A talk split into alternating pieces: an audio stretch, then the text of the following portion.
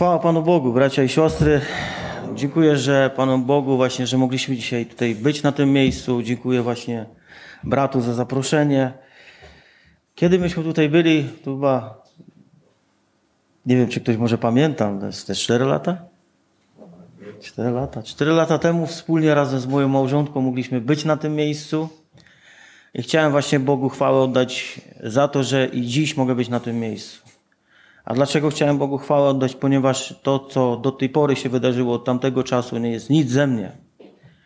Tylko Pan Bóg prowadził i do tej pory dochował i do tej pory dał dotrwać, żeby mógł znów tu przyjechać na to miejsce wspólnie z małżonką i złożyć świadectwo, że to, co było 4 lata temu, kiedy zaufałem mojemu Bogu, nie odwróciłem się od mojego Boga, do dnia dzisiejszego trwa.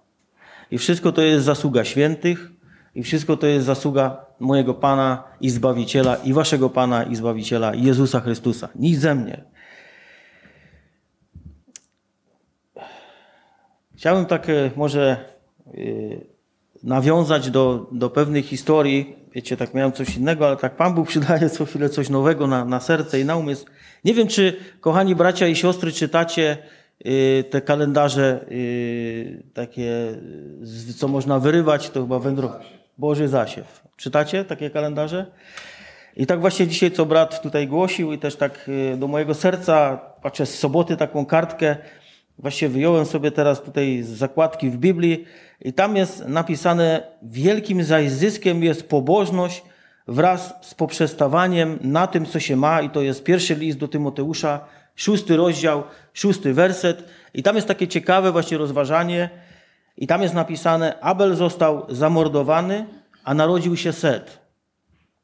Swojemu synowi nadaje on imię Enosz, co oznacza słaby lub y, wywracający się. Abel to też znaczył słaby. Y, takie jest powiązanie do tego, że, że nic z siebie jakby. Że ten, który się narodził, ten, który się urodził, on nie był tak mocny, on nie był tak silny, tylko imię nawet dostał słaby.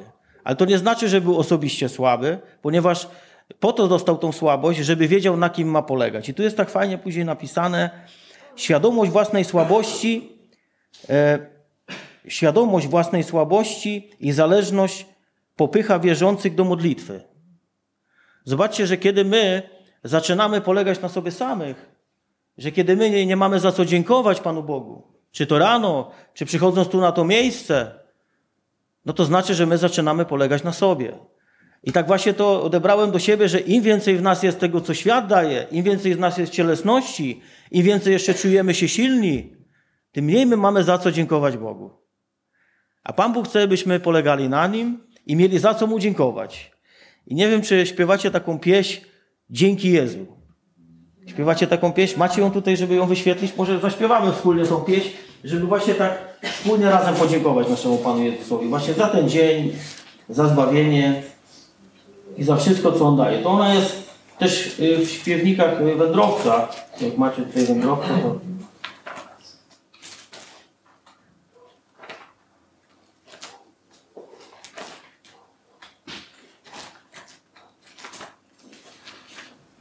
To jest y, z wędrowca to jest 128, a z tych takich bordowych są, mamy bordowe a wy macie szare, to, to jest... Może wspólnie razem byśmy powstali, może i zaśpiewamy, oddamy Bogu chwałę tą pieśnią. Tak mam na sercu. Nie pogniewajcie się, ale tak myślę, że będzie... Dzięki Jezu, drogi Jezu, dzięki Ci, o dzięki Ci, że kochasz mnie. Dzięki Jezu, drogi Jezu, dzięki Ci, o dzięki Ci, że kochasz mnie. Tam na Golgocie umarłeś za mnie. Dzięki Ci, o dzięki Ci, że kochasz mnie. Tam na Golgocie umarłeś za mnie. Dzięki Ci, o dzięki Ci, że kochasz mnie. Zmartwychwstałeś, żyjesz we mnie. Dzięki Ci, o dzięki Ci, że kochasz mnie. Zmartwychwstałeś, żyjesz we mnie. Dzięki Ci, o dzięki Ci, że kochasz mnie. Wkrótce przyjdziesz, stąd mnie weźmiesz. Dzięki Ci, o dzięki Ci, że kochasz mnie. Wkrótce przyjdziesz, stąd mnie weźmiesz. Dzięki Ci, o dzięki Ci, że kochasz mnie.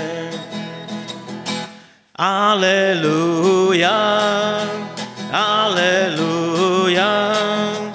Dzięki Ci, o dzięki Ci, że kochasz mnie. Aleluja, Aleluja. Dzięki Ci, o dzięki Ci, że kochasz mnie.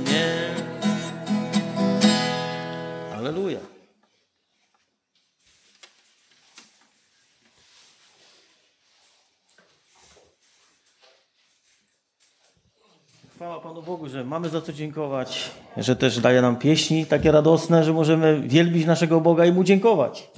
Dziękować przede wszystkim nie za to, że, że dziś tu może jesteśmy na tym miejscu zdrowi, bo to też fajnie dziękować, ale za to, co On nam przygotował. Za to, co my mamy więcej, bo wiecie, ten świat, jak wiemy, idzie w bardzo złym kierunku.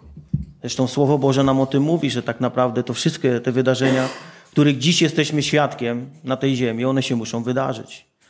I naprawdę te czasy, które teraz idą, które są przed nami, one nie będą lepsze. One będą gorsze. One będą coraz bardziej nas y, dotykać, coraz bardziej będziemy to odczuwać. Jest napisane, będzie głód, będą zarazy, będą trzęsienia ziemi, będą różne anomalie pogodowe. Zobaczcie, co się dzieje. Przecież to wszystko obserwujemy. Ale my mamy patrzeć na to i mamy się nie bać, bracia, siostry. My mamy wielbić naszego Pana. My mamy być przygotowani, mamy być wypaleni, my mamy oczekiwać. Jak to nieraz sobie żartujemy w pracy, można nie żartujemy, ale tak sobie mówimy Maranata. Przyjdź Panie Jezus. Mówię, będziemy się witać teraz nie już chwała Bogu, ale Maranata. Pierwszy kościół, oni się tak witali. Maranata. Przyjdź Panie Jezu. Czy młody, czy już w podeszłym wieku, Maranata. Wypal mnie, Panie. Czy w młody, czy w podeszłym wieku, zawsze jest dobry czas na wypalenie, na wypalenie tego, co cielesne, na wypalenie tego, co jeszcze powoduje, że ja w moim życiu czuję się pewny, że ja w moim życiu zaczynam polegać na sobie. Tu brat mówił o tym, że Pan Bóg niczego nie zabiera i to jest prawda. Pan Bóg współdziała z nami. Jeśli my nic nie zrobimy, to Pan Bóg też z nami nic nie zrobi. Pan Bóg pozwoli nam żyć tak, jak chcemy sobie żyć. Takie wybory, które my sobie chcemy podejmować, Pan Bóg je będzie, może nie będzie się z nimi zgadzał, ale On powie, idź, rób swoje. Być może upadniesz, być może doprowadzisz swoje życie do takiego stanu, że zawołasz. Ja cię na siłę ciągnął nie będę. On apostołów i nikogo nie ciągnął na siłę. Ale Pan Jezus daje wolność. Bez tej wolności wszystko, co zostawimy, będzie dla nas zniewoleniem dalej. Dalej będziemy byli, będziemy niewolnikami tego. W swoim życiu wielokrotnie przeżyłem te, te, te sprawy, że rzuciłem chlanie, rzuciłem ćpanie, rzuciłem agresję, rzuciłem może, wiecie, zmienił, zmieniałem się i tak dalej, ale w pewnym momencie Pan Bóg dał wolność od tego wszystkiego. W pewnym momencie zrozumiałem, że bez mojego Boga ja będę dalej niewolnikiem tego wszystkiego.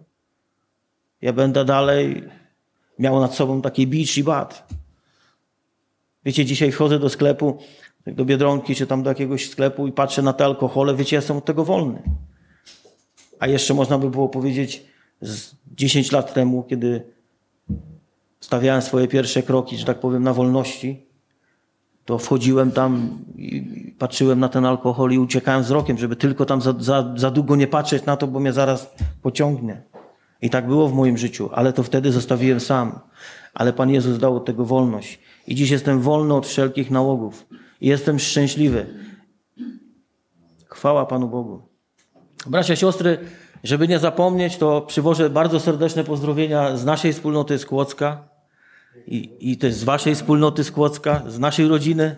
Z, Bożej, od y, brata Krzysia Kwietnia, od pastora, od wszystkich braci i sióstr. Przyjmijcie szczere pozdrowienia, ale też przywożę pozdrowienia z, z zakładu karnego. Y, jak wiecie, nie wiem czy wiecie, czy nie wiecie, ale prowadzę taką służbę z łaski Bożej, która została mi poruczona.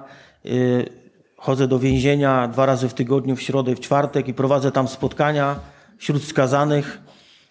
Możemy tam czytać Słowo Boże, modlić się, Możemy też na własnych kolanach, wiecie, tam od 30 ponad lat już ta służba trwa. Ja sam z tej służby skorzystałem. Jak nie wiem, czy pamiętacie Andrzeja Kulitę jeszcze, bo wiecie, ta nasza pamięć to jest taka zawodna, póki człowiek żyje, się pokazuje, to my pamiętamy, a potem już, tak jak to Słowo Boże mówi, człowiek odchodzi, czas mija i, i pamięć też zaczyna w taki sposób działać, że zapominamy. Już tej osoby między nami nie ma.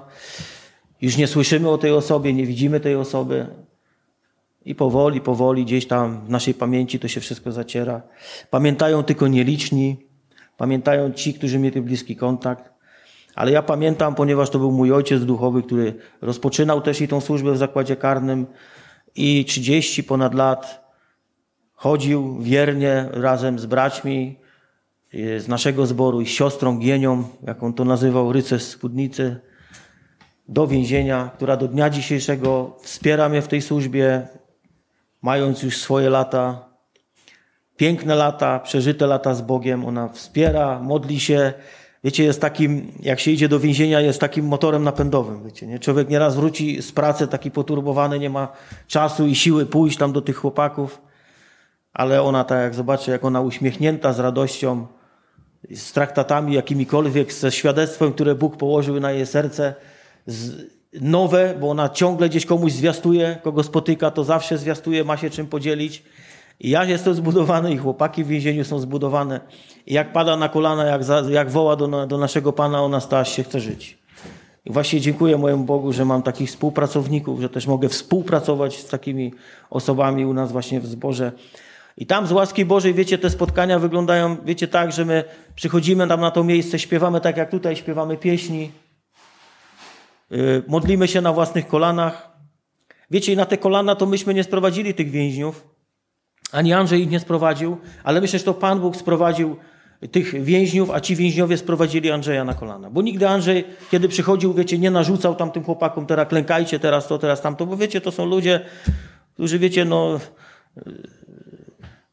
nic wspólnego z Bogiem tak naprawdę za wiele w życiu nie mieli. Y, żyją takim życiem, jakim żyją życie. Oni klękać przed nikim nie chcą, nie? bo to wiadomo, twardziele takie, wiecie, nie? jak jest y, dzień, to twardzi, zakładają maskę, jak jest y, wieczór, idą spać i nikt nie patrzy, to płaczą w poduszkę i tęsknią za wolnością, za domem, chcą życia normalnego.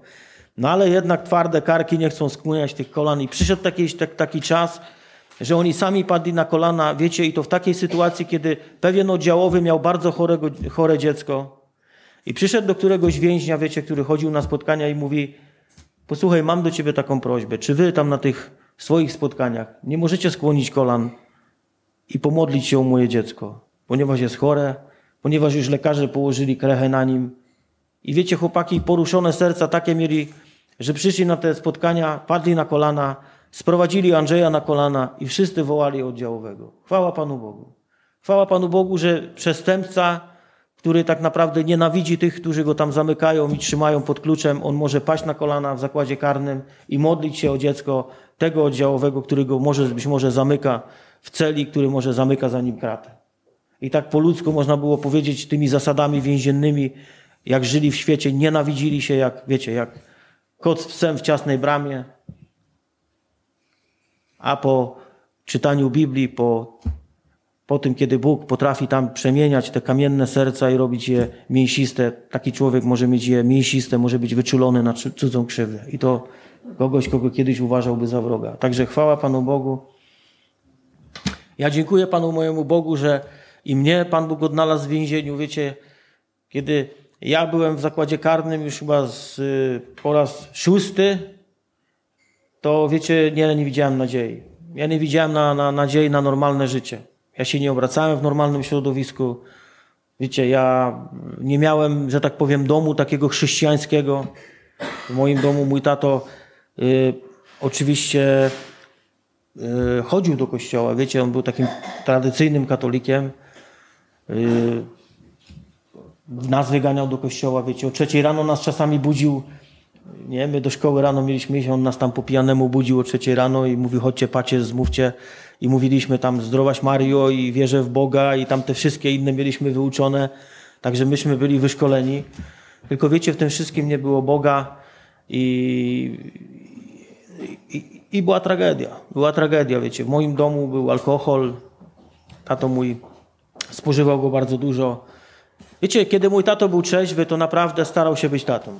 Starał się nas zabierać, wiecie, na różne jakieś tam wycieczki, wiecie, pokazywał nam różne tam, y, wiecie, uczył nas różnych rzeczy, no ale kiedy już przyszedł pijany, kiedy coraz częściej zaczął pić, to już nie ten sam człowiek. Nie ten sam człowiek. Wiecie, ja w wieku 8 lat oglądałem takie obrazki, kiedy mój tato y, w takim mamoku, wiecie, pi, pijaństwa wskoczył do, na moją siostrę jej tam skakał po głowie, wiecie, żeby, nie wiem, czy się wyładować, czy nie mógł po prostu opanować swoich emocji. Nie wiem, ja tego na tamten czas nie rozumiałem, jako ośmioletnie dziecko na to patrzyłem. I wiecie, tak przytulałem się, pamiętam, do drzwi ościeżnicy i w takiej bezsilności, bo ani nie mogłem pobiec, nic zrobić, bo takie małe dziecko co może zrobić?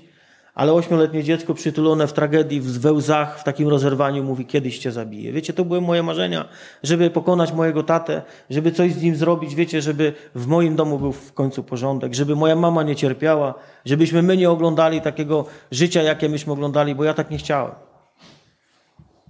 I takie były moje marzenia, wieś mi. Ośmioletnie dziecko, które ma takie marzenia.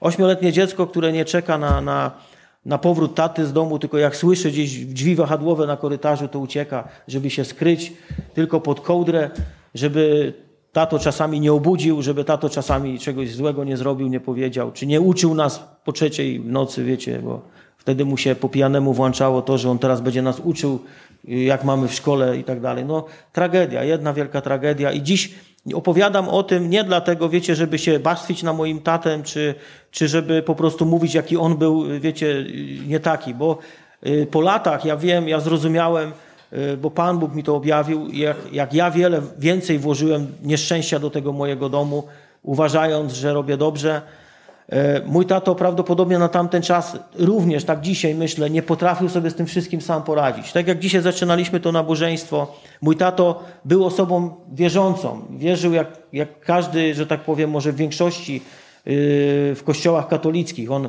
wiedział, że jest Bóg, chodził do kościoła, wiedział, że miał tam pójść, wiedział, że my musimy mieć w swoim życiu Boga, ale tak naprawdę on nie oddał swojego życia Bogu. On e, nigdy nie otworzył Słowa Bożego w domu, on nigdy do tego domu Boga nie przyniósł. On zawsze go widział tam, w tym miejscu, w kościele, jak to mówią, w tym tabernakulum tam yy, i tak dalej. No i żył tak jak, tak, jak został nauczony. Tak żył. Nikt w życiu mu nie, być może nie powiedział, nie zostawił nadziei. Ja mojego taty za to nie winię. Jedyną rzeczą, której żałuję na dzień dzisiejszy, to wiem, że to, że w moim domu właśnie nie było Słowa Bożego. Że mój tato nie siadał z nami, wiecie, byliśmy dużą rodziną, nas było ośmioro w domu, nie siadał z nami przy stole, przed posiłkiem się nie modliliśmy, nie błogosławiliśmy siebie nawzajem. Wiecie, mój tato, kiedy myśmy wychodzili do szkoły, nie wołał nas do, do, do pokoju, nie modlił się z nami. Wiecie, nie było tego. Nie było tego, zabrakło tego, po prostu zabrakło. Zabrakło tego, o czym mówiliśmy na samym początku. Mój tato myślał, wierzył w Boga, ale tak naprawdę życie trzymał w swoich rękach. Polegał na własnym sobie, na tym, co wypracował, na własnym rozumie i tak dalej, i tak dalej. Dlaczego? Dlatego, że nie było żywego Boga w moim domu. I wiecie, ja jako ośmioletnie dziecko nie rozumiałem tego. Jak tato, wiecie, yy, wpadał w te amoki, no to było mi przykro, było mi źle, postanowiłem uprawiać sztuki walki, zainteresowałem się takimi sportami, zacząłem y, robić wszystko, żeby stać się bardzo twardy, bardzo silny już jako dziecko, żeby po prostu przyjść któregoś dnia i pokonać mojego tatę, żeby już tato nie bił mamy i nie robił tego, czego robi. I tak się stało w moim życiu, wiecie, że ja zacząłem interesować się y, sztukami walki, zacząłem się bić w szkole, zacząłem, e, wiecie, jeździć po szkołach, e, mierzyć się ze wszystkimi, kto był silniejszy. Wszystko po to, żeby pokonać mojego tatę, bo mój tato był takim kiedyś sportowcem. On był, biegał, był wyczynowcem takim, nawet umiał judo, boks, nie był jakimś takim człowiekiem, którego można by było tak sobie, wiecie, jeszcze jako dziecko przewrócić i tak dalej, więc ja bardzo mocno jakiś jaki cel miałem w swoim życiu. I to wszystko, wiecie, spowodowało to, że ja brnąłem bardzo, bardzo głęboko w takie, wiecie, y, różne jakieś y, walki wschodu. Starałem się, y, wiecie, miałem do tego stopnia namieszane w głowie, że wszystkich ze swojej klasy chłopaków Kładłem sobie rękę taką na podłodze i kazałem im wszystkim w takich butach deptać mi po tej nodze, skakać i, i na siłę im pokazywałem, że ja nie czuję bólu. Ja do tego stopnia e, popadłem w taką skrajność tym wszystkim, tak mnie diabeł oszukał, że starałem się być tak mocny, tak twardy, tak silny i stało się. Któregoś dnia przyszedłem do mojego domu, pokonałem mojego tatę, złamałem mu żebro i uciekłem z domu. Wiecie, ja nie potrafiłem tego przyjąć, nie potrafiłem wtedy tego emocjonalnie ogarnąć. Uciekłem z mojego domu, ponieważ mój tato był pijany i wtedy chciał bić mamę, ja go przewróciłem, coś mu tam zrobiłem, uciekłem, nie chciałem wracać do domu. I wtedy, wiecie, już moim domem stała się całkowicie ulica. I tak wzrastałem, wiecie, w tym klimacie, w takim twardym karku, wiecie, za te wszystkie rzeczy, które gdzieś tam na ulicy robiłem, to zawsze obwiniałem mojego tatę, że to przez niego, że ja nie mam domu, że ja teraz nie mam gdzie wracać i tak dalej, i tak dalej. Nie widziałem w tym wszystkim tak naprawdę swojej winy. I kiedy już, wiecie, dorobiłem się takich już poważnych przestępstw, pobić, E, kradzieży na tej ulicy, gdzieś tam trochę wracałem do domu i tak dalej. Już pierwsze sprawy miałem, e, to e, moja mama już wtedy chorowała na raka. Wiecie, nawet nie widziałem w tym wszystkim, że ja bardziej krzywdzę moją mamę niż, niż mój tato. Ja myślałem, że to, że to wszystko mój ojciec. Ja wiedziałem, że robię źle, ale to mój ojciec powinien siedzieć, to mój ojciec powinien być na ulicy, to mój ojciec powinien odpowiedzieć za to, nie ja takim żyłem poczuciu, wiecie, krzywdy tego wszystkiego, że nie, nie mogłem jakby dojrzeć swojej winy, tego, że jestem zły, tego, że robię przykrość i tak dalej. Myślałem, że jest wszystko w porządku. I moja mama miała już tego wszystkiego dość, wiecie, ja już się nie uczyłem. W końcu powiedziała, oddaję cię do poprawczaka, bo to już no, musisz skończyć jakąś szkołę, coś ze sobą robić. Wiecie, ja zamiast jakby odebrać to jako takie, taką nauczkę, że dobrze, mamo, ja się poprawię, dobrze, mamo, ja coś teraz y, zrobię, do, będę coś ze sobą robił i tak dalej, to wiecie, ja zrobiłem coś takiego, jak zrobił Kain y, w pewnym momencie, gdzie mówił do Boga, y, to teraz będę tułaczem na ziemi, to teraz będą na mnie czyhać i tak dalej. On nie uznaje swojej winy, tylko nagle zarzuca Bogu, że to teraz on będzie bez błogosławieństwa Bożego i że to on teraz będzie wystawiony na to, że teraz będzie jeszcze miał źle, bo jeszcze bardziej. Nie dość, że zawinił, to jeszcze tutaj taki zarzut do Boga wysnuwał. Ja tę historię w ten sposób tak odebrałem i kiedy patrzę, kiedy y, mama powiedziała w sądzie, że ona sobie ze mną nie radzi i chce, żebym, żebym ja po prostu skończył szkołę i tak dalej, to ja tego nie odebrałem w taki sposób, żeby no dobra mamo, ja się poprawię, tylko ja wyszedłem na zewnątrz powiedziałem, mamo, to teraz przez ciebie ja się stanę jeszcze gorszy. Teraz ja pójdę do zakładu poprawczego, a ty dobrze wiesz, że tam są źli ludzie ja się tam nic dobrego nie nauczę. I tak i to była prawda, bo w zakładzie poprawczym czy w więzieniu naprawdę, uwierzcie mi, nie idzie się niczego dobrego nauczyć. To była prawda. Ja już na tamten czas byłem dobrze wyedukowany i wiedziałem, co tam jest. Ale zamiast przyjąć to i powiedzieć, mamo, ja zrobię wszystko, żeby tam nie być, ja zrobię wszystko, żeby się zmienić, żeby już taki nie być, to ja powiedziałem mojej mamie, że to przez ciebie ja się stanę jeszcze gorszy. I tak było. Bracia, siostry, ja stałem się jeszcze gorszy. Wszystko przez to, że, że cały czas nie widziałem w tym wszystkim mojej winy. Stawałem się coraz gorszy. Straciłem 13 lat swojego życia. 13 lat swojego życia tułaczki, 13 lat swojego życia przestępstw i tak dalej. Uwikłałem się w takie przestępstwa, gdzie już handlowałem narkotykami, handlowałem yy, wieloma rzeczami, uprawiałem hazard. Wiecie, yy, dopuściłem się naprawdę okrutnych, usłyszałem w swoim już życiu od trzech lat do dożywocia. Doprowadziłem swoje życie do ruiny, byłem uzależniony już od wszystkiego. I ciągle, ciągle oskarżałem o wszystko mojego ojca. Do momentu, aż kiedyś w więzieniu, właśnie ten, którego wspomniałem, Andrzej Kulita, ktoś, kto żył kiedyś podobnie jak ja, Pan Bóg zlitował się nad nim, posłał kogoś, kto powiedział mu, że też nie musi tak żyć. On nawrócił się, oddał swoje życie Bogu. Pan Bóg dotknął jego serca, właśnie serca Gieni, serca jego i serca też naszego pastora i całego też kochanego zboru i braci i sióstr, którzy postanowili pójść do więzienia. 30 ileś lat temu, będzie 37 lat temu postanowili pójść do więzienia. Pójść do takich ludzi jak ja, do ludzi, którzy, wiecie, w więzieniu już nie mają żadnej nadziei. Wiecie, ja we więzieniu miałem jeden, jeden, plan na, na życie. Wyjść i stać się jeszcze gorszym, stać się jeszcze bardziej bezwzględnym, jeszcze bardziej skutecznym w tym, co jest złe, żeby jak najszybciej, jak najwięcej pozyskać pieniędzy, żeby sobie jakoś w tym życiu rabić. Ja nie myślałem o tym, żeby stać się dobrym człowiekiem, ja nie myślałem o tym, żeby mieć jakiś dom, rodzinę w taki sposób zdobyty y, normalną, uczciwą pracą, tylko ja znałem przestępcze życie i ja nie umiałem inaczej żyć. A kiedy trafiałem do więzienia, czułem się jak wiecie, jak e, ryba w wodzie. A kiedy wychodziłem na wolność, ja nie umiałem żyć. Ja już nie umiałem funkcjonować z moją rodziną, z moimi bliskimi. Ja ich nie znałem, wiecie. Jak szedłem do urzędu załatwić jakąkolwiek sprawę, to ja byłem jak wykolejony taki człowiek.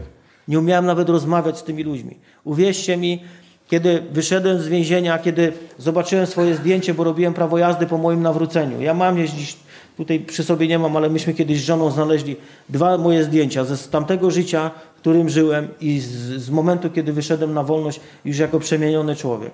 I wiecie, że, że ja pier, po raz pierwszy wtedy zobaczyłem, że czła, twarz człowieka, który, e, którego serce się zmieniło, którego Bóg serce zmienił, się zmienia. Jak zobaczyłem tą jedną twarz i tą drugą twarz, to były dwie inne twarze. Ja mówię, Boże, to dopiero mi pokazujesz, jak, jak to jest, jak to jest kiedy, kiedy w sercu jest źle, to i na twarzy jest źle. To i w życiu jest źle. I nie da rady tego oszukać. To, co w sercu, to i na ustach. Bracia, siostry, gdyby nie to, że ktoś przyszedł do więzienia i powiedział mi o tym, że jest nadzieja, że ja nie muszę tak żyć, dzisiaj byśmy się nie widzieli, dzisiaj byśmy się nie znali. Dzisiaj nie miałbym tak wspaniałej żony. Dzisiaj nie miałbym nowego życia. Dziś nie mógłbym iść i innym zostawiać nadziei. Dziś pewnie leżałbym zakopany pod drzewem. Może by ktoś mnie odstrzelił, już dawno bym pewnie nie żył, albo wiecie, no, w takim, jak się żyje szybko, to się i szybko ginie. Wiecie, kiedy, kiedy postanowiłem, postanowiłem po prostu zmienić cokolwiek w swoim życiu, kiedy ten człowiek mi powiedział, że jest nadzieja, że mogę żyć inaczej, to postanowiłem przyznać się do wszystkich swoich przestępstw. Wiecie, w środowisku przestępczym, żeby przyznać się do wszystkich swoich przestępstw, to jest tak, jak wziąć na siebie karę śmierci. Tutaj żeśmy jechali yy, drogą yy, na Prudnik, starą, starą drogą. Kiedy przejeżdżaliśmy przez Prudnik, pamiętam yy, te wszystkie tutaj pola takie dookoła, jak się jedzie tą obwodnicą. Przypomniałem sobie ten czas, mówiłem tutaj Saszy, jak jeździliśmy tu po narkotyki, tutaj w tych polach koło Prudnika były te narkotyki, naprawdę duże ilości narkotyków. Ci ludzie handlowali bronią, handlowali ludźmi. Ja miałem taki, takie, takich kolegów, takie rzeczy robiłem, do takich rzeczy się dopuszczałem. I dziś jakieś, y, jak powiedziałem Sasze, Sasza mówi, widzisz dzisiaj takie fajne porównanie. Kiedyś tu jeździłeś tą trasą po to, żeby brać narkotyki i rozwozić śmierć, a dzisiaj jedziesz złożyć świadectwo, że Pan Bóg z ciebie, z ciebie z tego wyrwał. Że Pan Bóg naprawił twoje życie. Że Pan Bóg je zmienił. Że nie ty je zmieniłeś, ale Pan Bóg je zmienił. Że może widział, że może wielu ludzi było mnie skreślało, że może wielu ludzi, może ja i sam, ale Pan, ale Pan Bóg mnie nie skreślił, przepraszam. Pan Bóg mnie nie skreślił, bo Pan Bóg żadnego z nas nie przekreśla. Wiecie, On oddał za każdego z nas syna swojego. On oddał to, co najcenniejsze za każdego z nas. I On do samego końca będzie walczył o człowieka. I on, Jemu nie leży to, żeby człowiek zginął, ale żeby miał życie wieczne. Żeby żył. Żeby doszedł do zbawienia, żeby doszedł do tego, do, do czego odszedł w ogrodzie Eden. Pan Jezus przyszedł po to, żeby Ciebie i mnie ratować. I być może skreślamy ludzi, być może stawiamy już krzyżyk na nich, ale Pan Bóg nie stawia i nade mną też nie postawił. Wiecie, kiedy moje życie zaczęło się zmieniać w więzieniu, ja napisałem list do mojego taty. Napisałem, tato, teraz już będzie dobrze. Ja poznałem Boga w więzieniu. Wiecie, jak mój tato zmarł w tamtym roku w grudniu, ja wygrzebałem, wiecie, sprzątaliśmy mieszkanie i wygrzebałem list który pisałem, nawet nie pamiętam, że pisałem list do mojego taty. I czytam tam w tym liście, tato, teraz wiem, że będzie dobrze, bo ja poznałem Boga w więzieniu. Ja pamiętam, kiedy pisałem do mojej żony, teraz będzie dobrze, bo ja poznałem Boga w więzieniu. No ona, kiedy wiecie, Pan Bóg zmienił moje życie, kiedy ja wyszedłem z więzienia, ona zobaczyła mnie w nowym wydaniu, ona tak na mnie popatrzyła, ona jeszcze nie była nawrócona. I ona powiedziała, ja chciałam, żebyś się zmienił, ale nie aż tak. No to jak? No wiecie, jak mnie rodzina zobaczyła, to powiedziała, że ja ze skrajności w skrajność popadłem. Kiedyś byłem walnięty w tą stronę, a potem teraz jestem w drugą stronę. No, no jak? Zobaczcie, jak świat może postrzegać. Nie zobaczyli tego, ale ja myślę, że diabeł w tym ma też dzieło. Nie zobaczyli tego, co trzeba. Nie zobaczyli Chrystusa w tym wszystkim. Nie zobaczyli tej prawdziwej przemiany. Po to, że diabeł zakrył ich, ich oczy. Po to, żeby nie zobaczyli. Po to, żeby pomyśleli, że mi się coś tam pomerdało w głowie, że za dużo może narkotyków było, może za dużo tych wszystkich rzeczy było, że to już jest koniec ze mną. To kiedy ja byłem, ja takie pytanie zadaję, kiedy ja byłem bardziej szurnięty? Teraz czy, czy, czy wtedy? Wtedy, kiedy biłem ludzi, kiedy wymuszałem haracze, kiedy robiłem te wszystkie podłe rzeczy, czy teraz, kiedy mówię o swoim Zbawicielu, o tym, że można żyć normalnie, uczciwie, to kiedy ja byłem? To takie pytanie. Chwała Panu Bogu, że my wiemy kiedy. I pamiętam, kiedy Pan Bóg dotykał mojego serca. Pierwsze co, pomyślałem, że pojadę do mojego, kiedy wychodziłem z więzienia, że pojadę do, do mojego taty i, i będę chciał się z nim pojednać. Wiecie, i długo się zastanawiałem, jak to miało wyglądać. Wiecie, bo to co doznałem w dzieciństwie, wiecie, to na, naprawdę bardzo mocno, yy, bardzo mocno yy, yy, odbiło takie piętno w moim życiu. Ja nienawidziłem swojego taty, ja oskarżałem go o moje całe życie zrujnowane i tak dalej. Zresztą nie tylko ja, moja cała rodzina jest poturbowana i tak dalej. Y, nie dostała nigdy dobrego przykładu. Ja zastanawiałem się, jak to miałoby wyglądać. Co, przyjdę do mojego taty i powiem, tato, wybacz mi, no ale wiesz, nie, ty byłeś taki, taki czy taki. Jak to powinno wyglądać? Jak to ma być? I Pan Bóg mi pokazał. Wiecie, kiedy Pan Bóg mi to pokazał, to się rozerwało moje serce. Kiedy ja zobaczyłem na krzyżu Chrystusa, kiedy ja zobaczyłem, że On niewinny, niewinny poszedł za mnie i umarł. Za takiego człowieka, który nie powinien y, żyć już, tak naprawdę. Za takiego podłego drania, On poszedł i umarł, niewinny. I on nie segregował, yy, ja za tego pójdę, za tamtego, za ciebie nie. On poszedł za każdego z nas. Jak ja to zrozumiałem, jak mi Pan Bóg pokazał, ile ja zła wyrządziłem moim bliskim, ile ja zła wyrządziłem mojej mamie, mojemu tacie, ile ja podłości, to ja yy, zrozumiałem, że ja muszę pójść i poprosić po prostu o przebaczenie. I kiedy pamiętam, przyszedłem do mojego taty, mój tato jeszcze pił alkohol wtedy. Zapukałem do, do drzwi, on otworzył taki, wiecie, jeszcze podchmielony. I mówi, o synu, a ja mówię, tato, tak stanąłem w drzwiach, czy ty mi teraz wybaczysz to, co ja tobie zrobiłem? Czy ty jesteś w stanie mi to przebaczyć? Mój tato stanął, wiecie, taki trochę pijany, popłakał się i mówi, synu, to już teraz wiem, że będzie dobrze. Przytuliliśmy się, ja nie patrzyłem, czy mój tato pijany, czy nie.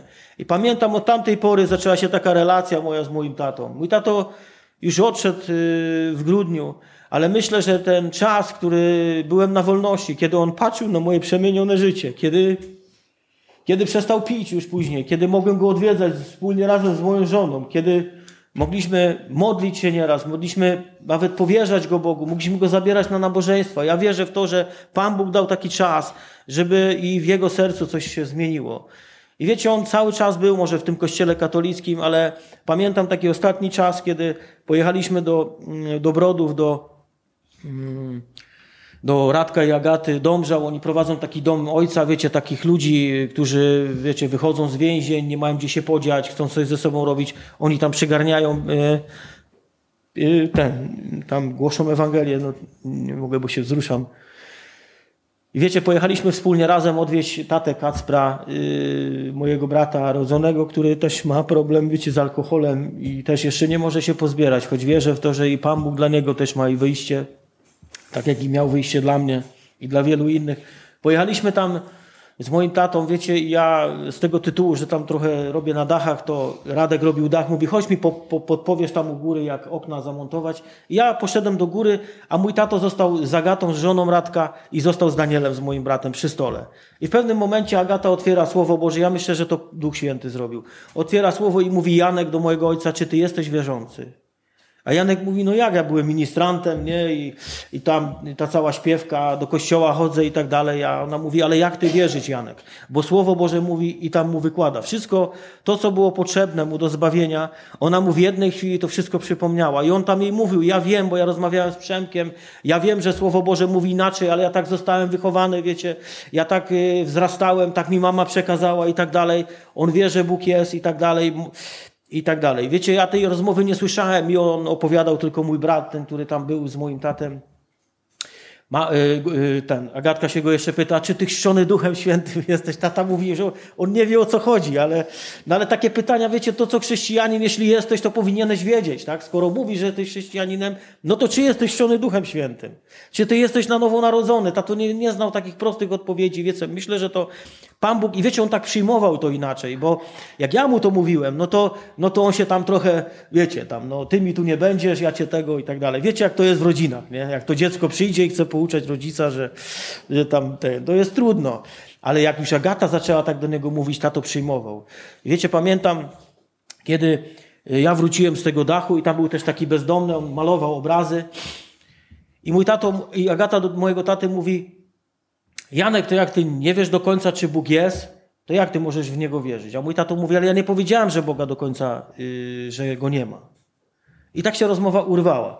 A ten bezdomny mówi, ty tu do mnie mój, bo ja tam często przyjeżdżam i opowiadamy świadectwa, yy, śpiewamy pieśni i ten bezdomny mówi do mnie, ty taki kiedyś przykład fajny podawałeś o prawie jazdy. O prawie jazdy, nie? Żeby wyjechać na drogę, to trzeba mieć prawo jazdy. A żeby mieć to prawo jazdy, to trzeba znać kodeks drogowy i zdać to prawo jazdy. I ja sobie w jedną chwilę przemyślałem, że mówię do mojego taty, zaczynam mu ten przykład mówić, że kiedyś, jak było to stare prawo drogowe, to były ronda, ale nie było ich w kodeksie drogowym, bo było traktowane jako skrzyżowania. I ludzie, którzy jeździli tu na Śląsk, na Katowice, gdzieś tam mieli problem, jak się tam zachowywać. I dopiero po jakimś tam późniejszym czasie zostały wprowadzone ronda. I teraz, jak gdybym pytał mojego dziadka, który naprawdę był wspaniałym kierowcą, który jeździł zawodowo, ja mówię tylko przykład, bo mój nie wiem, czy mój dziadek jeździł. Ja bym go zapytał, dziadek, ty masz takie doświadczenie życiowe. To ja bym się ciebie pytał, bo ja jadę na Górny Śląsk. Jak ja mam tam się zachować na tych rondach? To dziadek by mi powiedział, ja tyle lat jeździłem, wjeżdżaj jak na skrzyżowanie. To czy ja bym dojechał do celu? No nie dojechałbym, bo wjechałbym na skrzyżowanie, a tam trzeba ustąpić pierwszeństwa. A skąd ja to się mogę dowiedzieć? Z kodeksu drogowego. I tak samo jest z wiarą. Ze Słowem Bożym. Słowo Boże to jest taki nasz kodeks drogowy. To jest taki nasz y, kodeks, którym my musimy, takim prawo, którym my musimy się kierować, żeby dojechać do celu. Żeby prawidłowo się modlić, żeby prawidłowo wierzyć i prawidłowo do tego Boga dojechać. Ja ten przykład podaję tacie. A ja nie wiedziałem, że on wcześniej mówił Agacie, że on został tak nauczony, że on wyrósł w takich tradycjach i tak dalej. Ja tego nie słyszałem. I mój tato to przyjął, jechaliśmy z powrotem i mój tato mówi, że on chce się pojednać ze wszystkimi z, z rodziny. Ja mówię, tato, nie ma problemu, ja ci w tym pomogę, zrobimy taki obiad. I mój tato, pomożesz mi? Ja mówię. I wiecie co, wróciliśmy na miejsce yy, do Nowej Rudy i niestety diabeł chciał jeszcze zebrać żniwo. Okazało się, że tato mój po pięciu latach sięgnął po alkohol z powrotem. I dzwoni do mnie w poniedziałek podpity i mówi: Ja się kłócę z tym, co ona mi powiedziała. Wiecie, jak ktoś się kłóci, to znaczy, że tam coś pracuje. Ja się kłócę z tym, ja się nie zgadzam do końca to, co ona mi tam powiedziała. To był poniedziałek. W środę o 8.30 mój tato do mnie dzwoni i mówi: Synu, ja bardzo głęboko rozważam w moim sercu to, co ona mi powiedziała. Między 12.30 a 15 mój tato mój nie żył. Ja nie wiem, co Bóg przygotowuje dla każdego człowieka. My jesteśmy powołani, bracia i siostry, do końca, aby siać, aby zwiastować, aby nieść słowo życia. To Pan Bóg będzie dawał wzrost, to Pan Bóg w ostatniej chwili, wiecie, tak jak łot na krzyżu, zapyta tego, który odchodzi. Ja nie wiem, my czasami, ja tak się zastanawiałem, my czasami widzimy coś takiego, że jedzie człowiek na motorze, on ginie. To jest jedna chwila. Dla nas to jest chwila.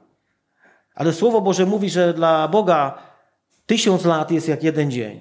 Nie wiemy, bracia i siostry, nikt z nas jeszcze nie stanął przed, tym, przed tą chwilą śmierci, kiedy przychodzi to wyłączenie. Czy to jest tylko wyłączenie, czy to jest chwila, czy to jest jakiś dłuższy czas, w którym Pan Bóg jeszcze daje taki czas, czy Ty chcesz się jeszcze ze mną jednać. Dlatego wołajmy do samego końca o więźniów, o nasze rodziny niezbawione. Świadczymy im, jak mają to zrobić, w jaki sposób mają się pojednać i tak dalej. O mnie też ktoś walczył. Wiecie, kiedy ja w więzieniu siedziałem, dowiedziałem się, że cały zbór jakiś czy pół Polski woła o takiego Przemka, to ja byłem w szoku. Ja w to nie wierzyłem. Bracia, siostry, ja potraciłem wszystkich wcześniej, ale ja nie wierzyłem, że jeszcze ktoś na tej ziemi może się modlić o mnie, może wołać o mnie. Ja chciałem poznać takich ludzi. Ja chciałem poznać was, bracia, siostry, bo i wy żeście wołali. Bo kiedy ja byłem w więzieniu, to i ten zbór tu był. I służba ta też już była. I wasza służba tutaj, kiedy, kiedy wy wspieracie i modlicie się tutaj o braci, którzy chodzą do więzienia, którzy niosą, wy nawet nie znacie z imienia, z nazwiska. A tam jest ktoś, może jest dziesięciu, którzy w ogóle przyszli tylko wypić kawę, a może, a może zabić czas. Ale tam jest jedno serce, które przyszło szczerze, które ma już dość tego bandyckiego, tego podłego życia. Chce żyć inaczej, chce spróbować czegoś innego. Wiecie, może nie zna nawet normalnego życia. Ja, bracia, siostry, nie znałem normalnego życia. Kiedy przychodzili chrześcijanie do więzienia, kiedy ja słyszałem świadectwa sióstr, które zachowują, yy, zachowują swoje dziewictwo do, do, dla męża i tak dalej, wiecie, ja, ja myślałem, że te dziewczyny kłamią. Ja nie znałem takich dziewczyn. Ja nie znałem takiego życia. Ja myślałem, że one albo są, wiecie, albo nikt ich nie chce, albo co. No wiecie, no taki prosty człowiek, no. Ale ja sem wracałem po cele i mówię, Boże, są jacyś inni ludzie na tym świecie. Ja takich ludzi nie znam. Ja chciałbym ich poznać. Oni są tacy inni, szczerzy. Czy to jest prawdziwe? Ja chcę to zobaczyć. Wiecie, wasze święte życie, wasze modlitwy, wasze trwanie w tym wszystkim, wasza szczerość, to co robicie, to oddziaływuje na, nawet wiecie, na najmniejszą osobę tam. Bo to wszystko pracuje, to jest odkładane tu w sercu. Ci ludzie nie znają, tak jak ja nie znałem normalnego życia. Ci ludzie nie znają uczciwości. Wiecie, do mnie przychodzili ludzie z, z bardzo wysokich półek po narkotyki. Jak czasami przychodzili tacy ludzie, że ja już mogłem wszystko załatwić. Ja sobie myślę, to jak już tacy ludzie przychodzą, to już ten świat spadł całkowicie na psy. Tu już nie ma ludzi normalnych. Wszyscy kombinują, wszyscy kręcą, wszyscy hakmęcą. Kasa się tylko liczy, ale widzicie, może i ten świat jest zepsuty, ale jest jeszcze święty naród. Jest jeszcze święty naród. I jak ci ludzie z tego więzienia mają się dowiedzieć o świętym narodzie? Ten święty naród musi tam pójść. Ten święty naród musi tam im przyjść i zaświadczyć. Powiedzieć. Czasami słyszę takie słowa, bracie, ty siedziałeś, ty masz y, taką historię swojego życia i tak dalej, ty masz o czym mówić. Bracia, siostry, my wszyscy mamy o czym mówić. Każdy z nas był grzesznikiem. Wiecie, i czasami my przychodzimy i mówimy te nasze świadectwa. I ja ze swojej autopsji teraz wam mówię, że dla mnie no, najlepszym świadectwem było właśnie świadectwo tej siostry. Było świadectwo brata młodego, który przyszedł i składał świadectwo, że on w szkole był prześladowany. On w szkole był bity za to, że wierzył w Jezusa. On był może świadkiem Jehowy w tamtym czasie, bo ja tutaj taki przykład podaję z mojej klasy. Myśmy go gnębili, wiecie, bo myśmy myśleli, że to jest laluś. Myśmy myśleli, że to jest taka, wiecie, no taka do popychania, takie popychadło. A ja po latach dostaję coś taką odpowiedź od Pana Boga, że składa świadectwo młody chłopak. Niczego sobie. Wcale nie wygląda na jakiegoś tam lalusia. Mógłby oddać, mógłby zrobić wszystko, ale on ze względu na Chrystusa on tego nie robił. I on składa świadectwo, że takie rzeczy przeżywał w szkole. I Pan Bóg na jedną chwilę przypomina mi tą sytuację z mojej szkoły. Że ja wcale nie byłem żaden lepszy, że ja wcale nie byłem mocniejszy, że ten chłopak mógł tak samo jak i ja robić, ale on nie chciał. Dlaczego? Ze względu na Chrystusa, bo on kochał Chrystusa, bo on wiedział, co, bo tak przynajmniej, jeśli już mówię nawet o tych świadkach Jehowy, zawsze czytają Słowo Boże, zawsze coś tam dobrego słyszą, jakieś słowo słyszą. Nie mówię, że tam jest dobra, dobry kierunek i tak dalej, ale miał wlaną tą naukę Bożą jakąś w serce. I on ze względu na tego Boga nie robił tych rzeczy, które ja robiłem. Wiecie, i to Pan Bóg mi pokazywał. Ja to zrozumiałem w więzieniu, że całkiem inaczej przedstawia mi się moja rzeczywistość, całkiem moje życie inaczej wygląda. Całkiem ja sobie to wszystko w głowie inaczej układałem. I to był, wiecie, najlepszy czas, kiedy mogłem słuchać takich świadectw. Dlatego, bracia, siostry, wszyscy razem jesteśmy powołani do tego, żeby, żeby iść i, i nieść tą nadzieję właśnie. Tą nadzieję, którą kiedyś tak naprawdę nam ktoś przyniósł. Bo my chyba wszyscy też nie pochodzimy z wierzących rodzin. A kiedy nawet z wierzących rodzin, to, to tą nadzieję przynieśli nam nasi rodzice. Ja nie miałem takiej okazji, ja nie miałem takiego przywileju. Ale i Pan Bóg zlitował się nade mną. I myślę, że i Pan Bóg zlituje się nad całą moją rodziną. Wiecie, dzisiaj wspólnie razem z moją żoną, wiecie, po dwóch latach, kiedy ja wyszedłem na wolność, wiecie, ja nie umiałem nic robić. Ja, wiecie, y, jakbym wam pomalował mieszkanie, to byście mnie pogonili. Ale ja padałem na swoje kolana i to był mój najlepszy czas. To, co mówiliśmy na początku nabożeństwa. Ja nic już siebie nie umiałem robić. Ale Pan Bóg mnie prowadził, dał mi pracę. Dzisiaj robię dachy, robię wykończeniówkę, robię wszystko, co to Pan Bóg mnie nauczył tej pracy. Jestem żywym dowodem na to, że, że nic nie umiałem, a Pan Bóg nauczył wszystkiego. Jak tylko Jemu oddałem swoje życie, swoje serce i prowadzenie. I wspólnie razem modliłem się o moją żonę. Po dwóch latach Pan Bóg yy, wlał w jej serce wiarę. Jednej, z jednej chwili spadły jej łuski. Ja dwa lata jej głosiłem, dwa lata tukłem Biblią po głowę, wiecie jak to świeży młody chrześcijanin potrafi zrobić. A ona poszła na jedno zgromadzenie ze siostrami, przychodzi do pokoju hotelowego, bo akurat tam byliśmy na takim zjeździe i ona patrzy na mnie, wiecie, taka rozpromieniona, inna twarz w ogóle. Ja tak patrzę na nią, co tak na mnie patrzysz? Brudny jestem na twarzy czy coś, a ona mówi, Jezus mnie kocha. Ja wy to przez dwa lata ci mówiłem, że Jezus cię kocha, a ty nic. A ona mówi, ale ja to dzisiaj zrozumiałam. I ja wiem teraz, co ty do mnie przez dwa lata mówiłeś.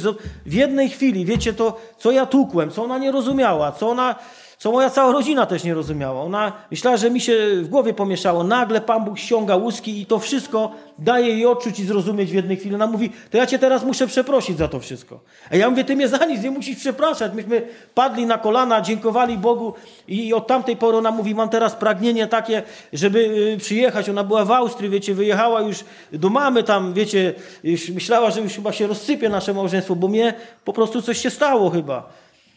Ona w jednej chwili łuski spadły i mówi, to ja tu muszę przyjechać. Ja chcę teraz, czy zbór nam pobłogosławi nasze małżeństwo. Byliśmy małżeństwem, ale nie mieliśmy błogosławieństwa takiego. Ja sobie myślę, to my dwa lata już y, małżeństwem, to jak to teraz zbór? Jak to? Ja nie wiedziałem. Ale mówię, dlaczego miałby zbór nie pobłogosławić? Skoro to jest szczere i Boże, chcę służyć Bogu i do służby, i do małżeństwa. I, i mieliśmy ponowne wesele, wiecie, tak jakby to nazwał yy, yy, nie, potocznie. Padliśmy na kolana przed zborem, zbór błogosławił, sprosiliśmy najbliższych i było kolejne y, pole do popisu, żeby zaświadczyć naszym bliskim. Moja żona przyjechała, zapragnęła służyć wśród dzieci. Wiecie, myśmy zgarniali z ulicy, wiecie, te dzieciaczki takie, które, wiecie, nie mają takiego życia, jakie może ja miałem y, y, poturbowane, mają, wiecie, patologie niesamowite. I my te dzieciaczki do domu po to, żeby im głosić Słowo Boże, żeby one mogły padać na kolana, modlić się, żeby wzbudzać w tych dzieciach, wiecie, wiarę. Mamy takich dwóch, którzy teraz do, do tej pory przyjeżdżają do zboru. Jeden z nich, to wiecie, to był tak znerwicowany parę lat temu, że rzucał ławkami w szkole nauczycielkę, a po dwóch latach szkółki, wiecie, on, y, jeden z najlepszych uczniów w klasie. Czy to nie jest y, warto, y, żeby pójść i wiecie, i służyć takim dzieciom? Wiecie, wszystko się zaczyna w dzieciństwie. Wiecie, kiedy tam w dzieciństwie czegoś zabraknie, wiecie, tam będzie czegoś za dużo, czegoś za mało, to później trzeba iść do więzienia. Później trzeba iść do więzienia. Najczęściej tak to się kończy. Tam w więzieniu też są dzieci, wiecie. Pozbawione miłości, pozbawione normalnego wychowania, ale przede wszystkim pozbawione Boga. Pozbawione Bożej miłości, Bożego klimatu, Bożego obłoku, w którym my możemy wzrastać, a oni nie. Chwała Panu Bogu, wiecie, dziś wspólnie razem, żona już jest w Polsce dawno, służymy razem, żona prowadzi szkółki w zborze i też y, staramy się jeździć. Ja, jak, jak wiecie, wyrwany z, z, z, tego więziennego padołu, tam z tego, tej ciemnej strony, no Bogu łaski nie robię. No Bogu łaski nie robię, poszedłem w to miejsce, skąd Pan Bóg wyrwał chcę iść tam, chcę służyć, y, chcę, wiecie, poukładałem swoje życie też w ten sposób, że no dokonujemy wyborów też w życiu, bo służba nie jest też łatwa, wiecie, kochani, to, to nie jest tak, że to jest tylko sielanka, że my chcemy służyć, tu trzeba poświęcić czas, tu trzeba, wiecie, też y, zdecydować, za czym się pędzi w życiu. Trzeba naprawdę dużo modlitwy, wiecie, i takiego naprawdę pokładania nadziei w Bogu. Bo czasami przychodzą te, wiecie, te ziemskie rzeczy i są rachunki i są rzeczy, które trzeba zapłacić i tak dalej. Na to trzeba zarobić, bo na to, wiecie, trzeba zarobić własnymi rękami. No i też y, to wymaga od nas. My nie płacimy, wiecie, tak kiedyś zrozumiałem, my nie płacimy, wiecie, pieniędzmi. My płacimy naszym czasem. Tylko teraz komu ten czas oddajemy? I przyszedł taki czas, że i Andrzej odszedł, ja zrozumiałem, że skoro Andrzej odszedł i on był prowadzącym tą służbę, to dziś ja chcę iść i im innym głosić, tak jak i on mnie głosił. I też innym zostawiać nadzieję, wiecie, ale to wymaga czasu, wymaga pewnych decyzji. I postanowiłem, wiecie, zrezygnować, wiecie, z, z, robiłem wykończenia, łazienki, wiecie, takie tam kuchnie, no i to jest tak, że, że fajnie się tylko mówi o remontach, ale jak już się rozgrzebie komuś mieszkanie, to tam ludzie pilą, żeby jak najszybciej skończyć. No a ja w środę, w czwartek do więzienia. No dla mnie najważniejsze jest pójść do więzienia, tak? Więc no nie zawsze można było to pogodzić. Dzisiaj Pan Bóg dał taką pracę, z której mogę zejść, pójść też w zimą jakoś też to staram się godzić, ale też trzeba było dokonać wyboru. Wiecie, sprzedaliśmy, mieliśmy takie małe mieszkanko e, wspólnie z żoną. Sprzedaliśmy to wszystko, wiecie, jeszcze przed, w czasie jak się zaczynała ta pandemia, e, e, po to tylko, żeby przyjść do Kłodzka, wiecie, żeby być jak najbliżej więzienia, żeby być jak najbliżej zboru. I, I wiecie co, i tak jak kiedy tam się wprowadziliśmy, teraz wynajmujemy, nie mamy nic swojego. I myślę, że mnie to tak Pan Bóg dał odczuć. Że jak miałem te swoje mieszkanie, to tak latałem wokoło tego mieszkania. Człowiek zawsze miał to tutaj nad głową, że to jest jego. Jakby przyszedł Pan, no to szkoda by było, bo się tam włożyło trochę tej pracy, nie? No jest tak po ludzku czasami. A dzisiaj mamy wynajem. I tak kiedyś, wiecie, stanąłem na kolanach i mówię, Panie Boże, Ty jesteś wspaniały. Dałeś mi odczuć, że teraz jakbyś przyszedł, to byś mi tylko przysługę zrobił. Ja już bym nawet tego wynajmu nie musiał płacić. Chwała Panu Bogu, wiecie, do więzienia mam 300-400 metrów. Dzisiaj mogę zjechać z pracy, tak, na tak, tak, tak wykorzystać ten czas, że prawie praktycznie do więzienia i jest mi łatwiej, bo jest bliżej pójść do tego więzienia, nie muszę ileś tam kilometrów dojeżdżać.